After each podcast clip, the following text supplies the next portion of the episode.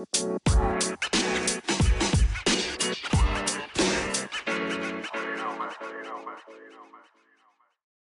sob, Assalamualaikum. How is business? Hope your business is doing great today And the day after, and the day after, and the day after gitu ya Selalu baik semuanya. Pagi ini gue semangat karena lagi pengen buat podcast lagi. Sekarang gue ngomongin judulnya dulu.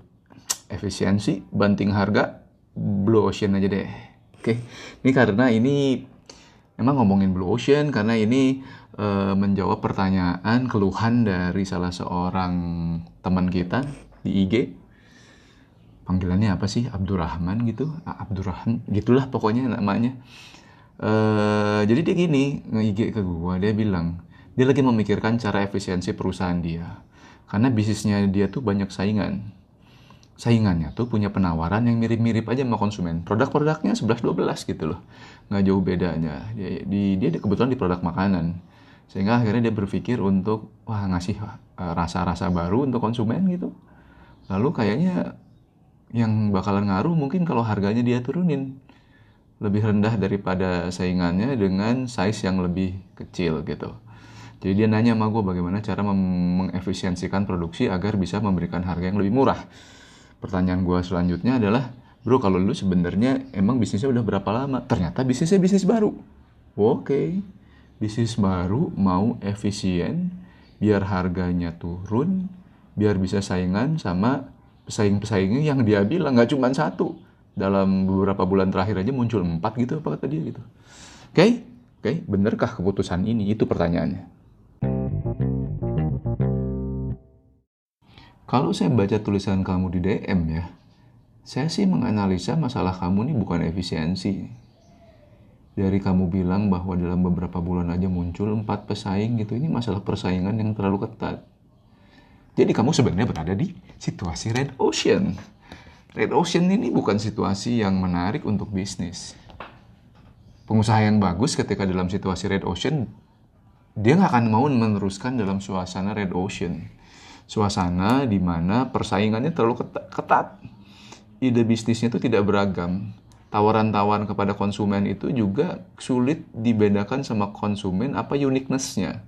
Misalnya kalau makanan, misalnya ya, nah, e, roti bakar, roti bakar rasa kacang, roti bakar rasa coklat, roti bakar rasa keju, roti bakar rasa nanas gitu. Cara bakarnya sama. Kalau kamu cuma menambah rasa-rasa baru bagi konsumen it's just one line in the menu. Untuk mereka itu nggak bisa dibedakan seakan-akan dua bisnis yang menunya beda dua baris ini gitu adalah bisnis yang berbeda. No itu kayak ngelihat anjing lah antara anjing anjing ras anu sama anjing ras ini gitu. Which is sama-sama anjing bagi beberapa orang ya itu anjing aja gitu. Dia tidak bisa membedakannya. Dan it is a problem gitu loh. Benar-benar masalah. Dan uh, ketika konsumen tidak bisa membedakan even price yang lebih rendah tidak akan memberikan solusi bagi kamu. Gitu bro. Jadi gue tidak akan menyarankan kamu untuk memperbaiki bisnis kamu dengan melakukan efisiensi terhadap proses bisnis kamu kalaupun kamu bisa menekan harga yang lebih murah itu, tantangannya adalah volume bisnis kamu yang masih kecil, ujung-ujungnya membuat bottom line kamu jadinya mungkin malah negatif. Atau untungnya kecil banget. Capek doang lo kerja di situ nanti. Ngapain dengan jadi pegawai kalau gitu sih. Kalau mau jadi pengusaha, pastikan coba kejar margin yang gede, volume yang besar gitu. Uh, itu kan bedanya kenapa kamu meresikokan banyak hal untuk jadi pengusaha. Jadi uh, coba lihat, coba lihat lagi. Gue akan yakin sekali kamu akan sulit juga kok melakukan efisiensi karena kelebihan dari sebuah perusahaan yang baru dimulai itu bukan efisien. Kebalikannya perusahaan kecil itu paling nggak bisa efisien. Kenapa? Belinya di keteng begitu kan ya. Karyawannya biasanya agak terlalu gemuk dibandingkan uh, size dari salesnya. Tuh perusahaan yang kecil misalnya gini ya eh, komposisi gaji sama revenue-nya tuh bisa sampai 20%, bahkan bisa sampai 30%. Komposisi gaji terhadap uh, revenue. Kalau baru didirikan tuh bisa segitu. Cuman perusahaan-perusahaan gede itu bisa menekan di angka 10%, 11%, 12%. Kecil-kecil. Uh, jadi memang perusahaan kecil bukan tempat untuk mengefisiensi. Jadi di sini kamu sebenarnya masalahnya adalah di, sua, di suatu situasi red ocean yang disebut sebagai red ocean, di mana orang banting-banting harga ke bawah tanpa memberikan pembedaan yang nyata, nggak mampu menaikkan penawaran dan juga margin keuntungannya. Definitely, ini kategori red ocean. Jadi PR saya dulu adalah abis ini kamu baca The Blue Ocean Strategy Book. Baca buku itu ya.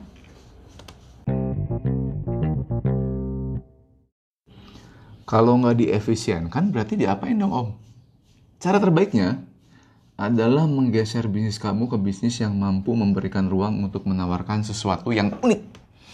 Sesuatu yang memang dibutuhkan sama konsumen. They cannot resist your offering, your product, your brand your food, your concept itu nggak bisa diubah. Karena uniqueness-nya.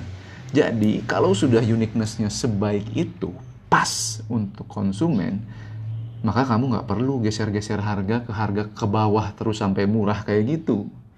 Kenapa? Karena uniqueness-nya itu membuat pesaing lain kesulitan kalau harus menawarkan produk-produk yang kayak kamu atau service yang kamu tawarkan. Banyak kok. Banyak kan? Susah gitu mikir kayak gitu. Ya mikirnya sih harus pakai energi sih. Kamu tahu kok di sekeliling kamu banyak kok produk kayak gitu. Nih, gue kasih contoh. Gojek. Grab. Gitu kan? Itu penawaran yang sangat eksklusif. Suatu yang keren kan. Suatu yang pas banget dibutuhkan sama kita. Males gue nyetir macet-macet mendingan naik Gojek. Naik, mendingan naik Gokar. Mendingan nge-grab. Iya kan? very unik dan orang orang pakai itu walaupun Gojek itu udah berapa kali naik sebenarnya harganya lu masih pakai aja tuh dan akhirnya yang mampu menyaingi dia tuh ya ya Gojek kayak contohnya. Yang mampu menyaingi cuman Grab lalu sekarang ada lagi yang dari Rusia apa tuh yang warna kuning nggak banyak yang bisa nyaingin. Ketika yang nggak banyak yang bisa nyaingin pesaing kamu jelas kan ada satu dua gitu. You can keep close on eh, close your eyes on them gitu apa yang mereka lakukan sikapi. Apa yang mereka lakukan lagi sikapi. Kita buat ini mereka merespon. Tapi enak musuhnya jelas. Tapi kalau musuh kamu sorry gue nyebutnya musuh ya kompetitor. Nggak baik nyebut ke uh, sesama pengusaha lain tuh musuh. Nggak sehat nggak sehat. Jangan. Kompetitor. Jadi kompetitor kamu itu kamu bisa lihat jelas ada di mana. Coba bayangkan kalau dalam beberapa bulan muncul empat kompetitor baru. Empat kompetitor baru.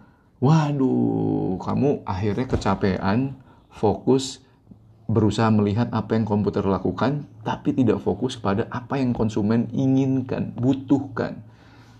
Not a good way to do business. Itu tuh nggak bagus banget.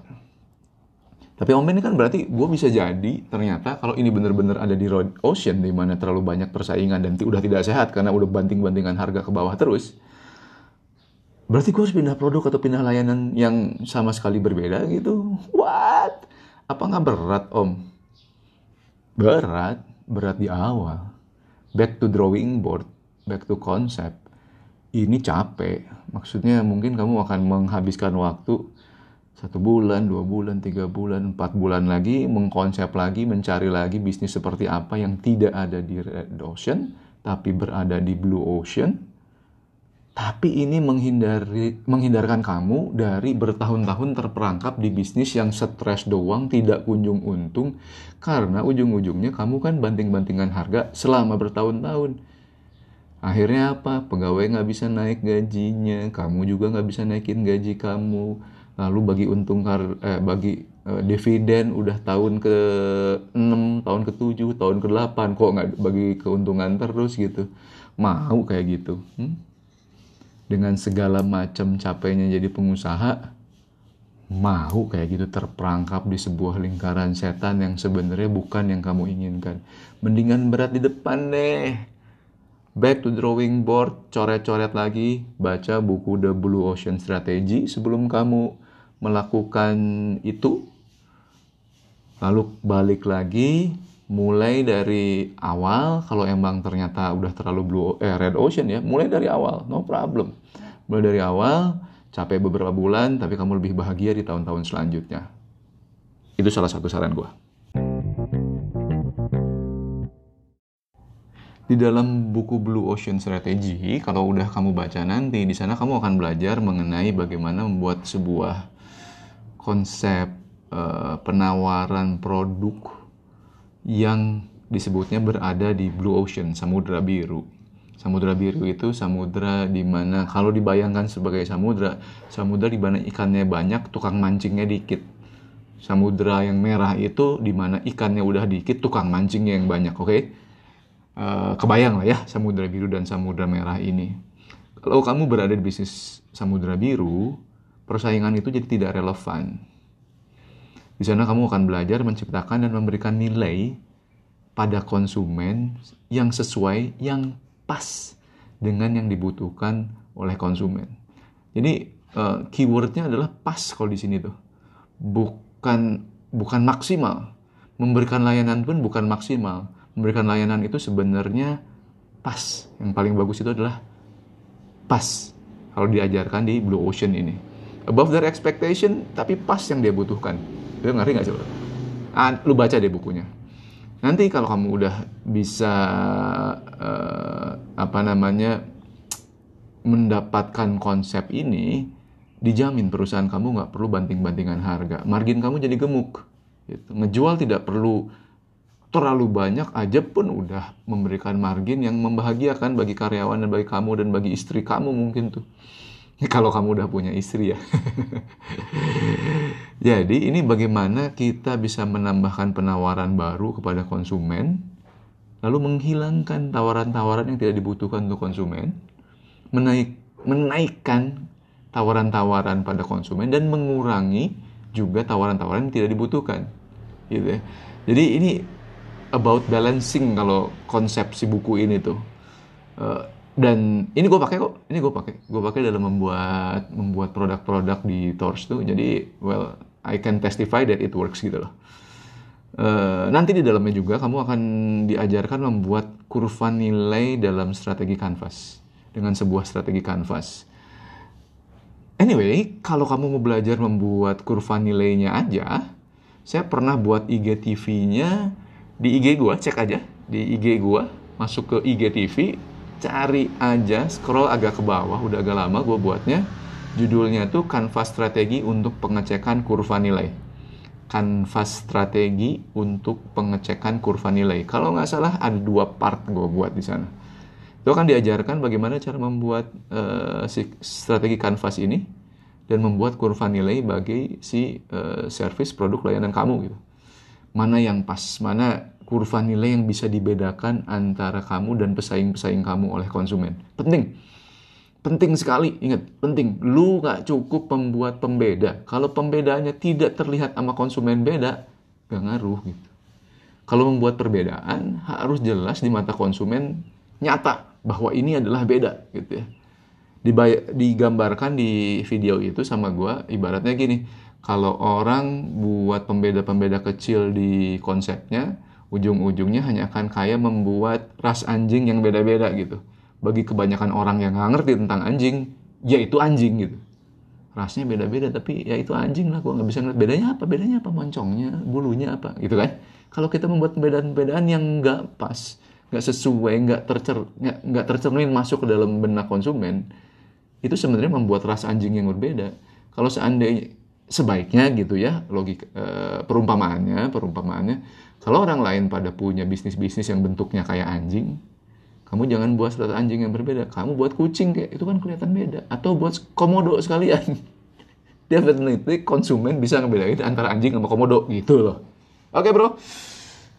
Terima kasih banyak untuk pertanyaannya semoga sobat-sobat bisnisnya kesiang nanti makin maju penjualannya makin kencang menyambut wow 12 hari lagi 12 12 dari saat pembuatan podcast ini 10 hari men dari publishing podcast ini podcast ini dibuat di depan Oke, okay, sampai ketemu lagi. Have a good business, have a good, life, bro. Jangan sampai ansis.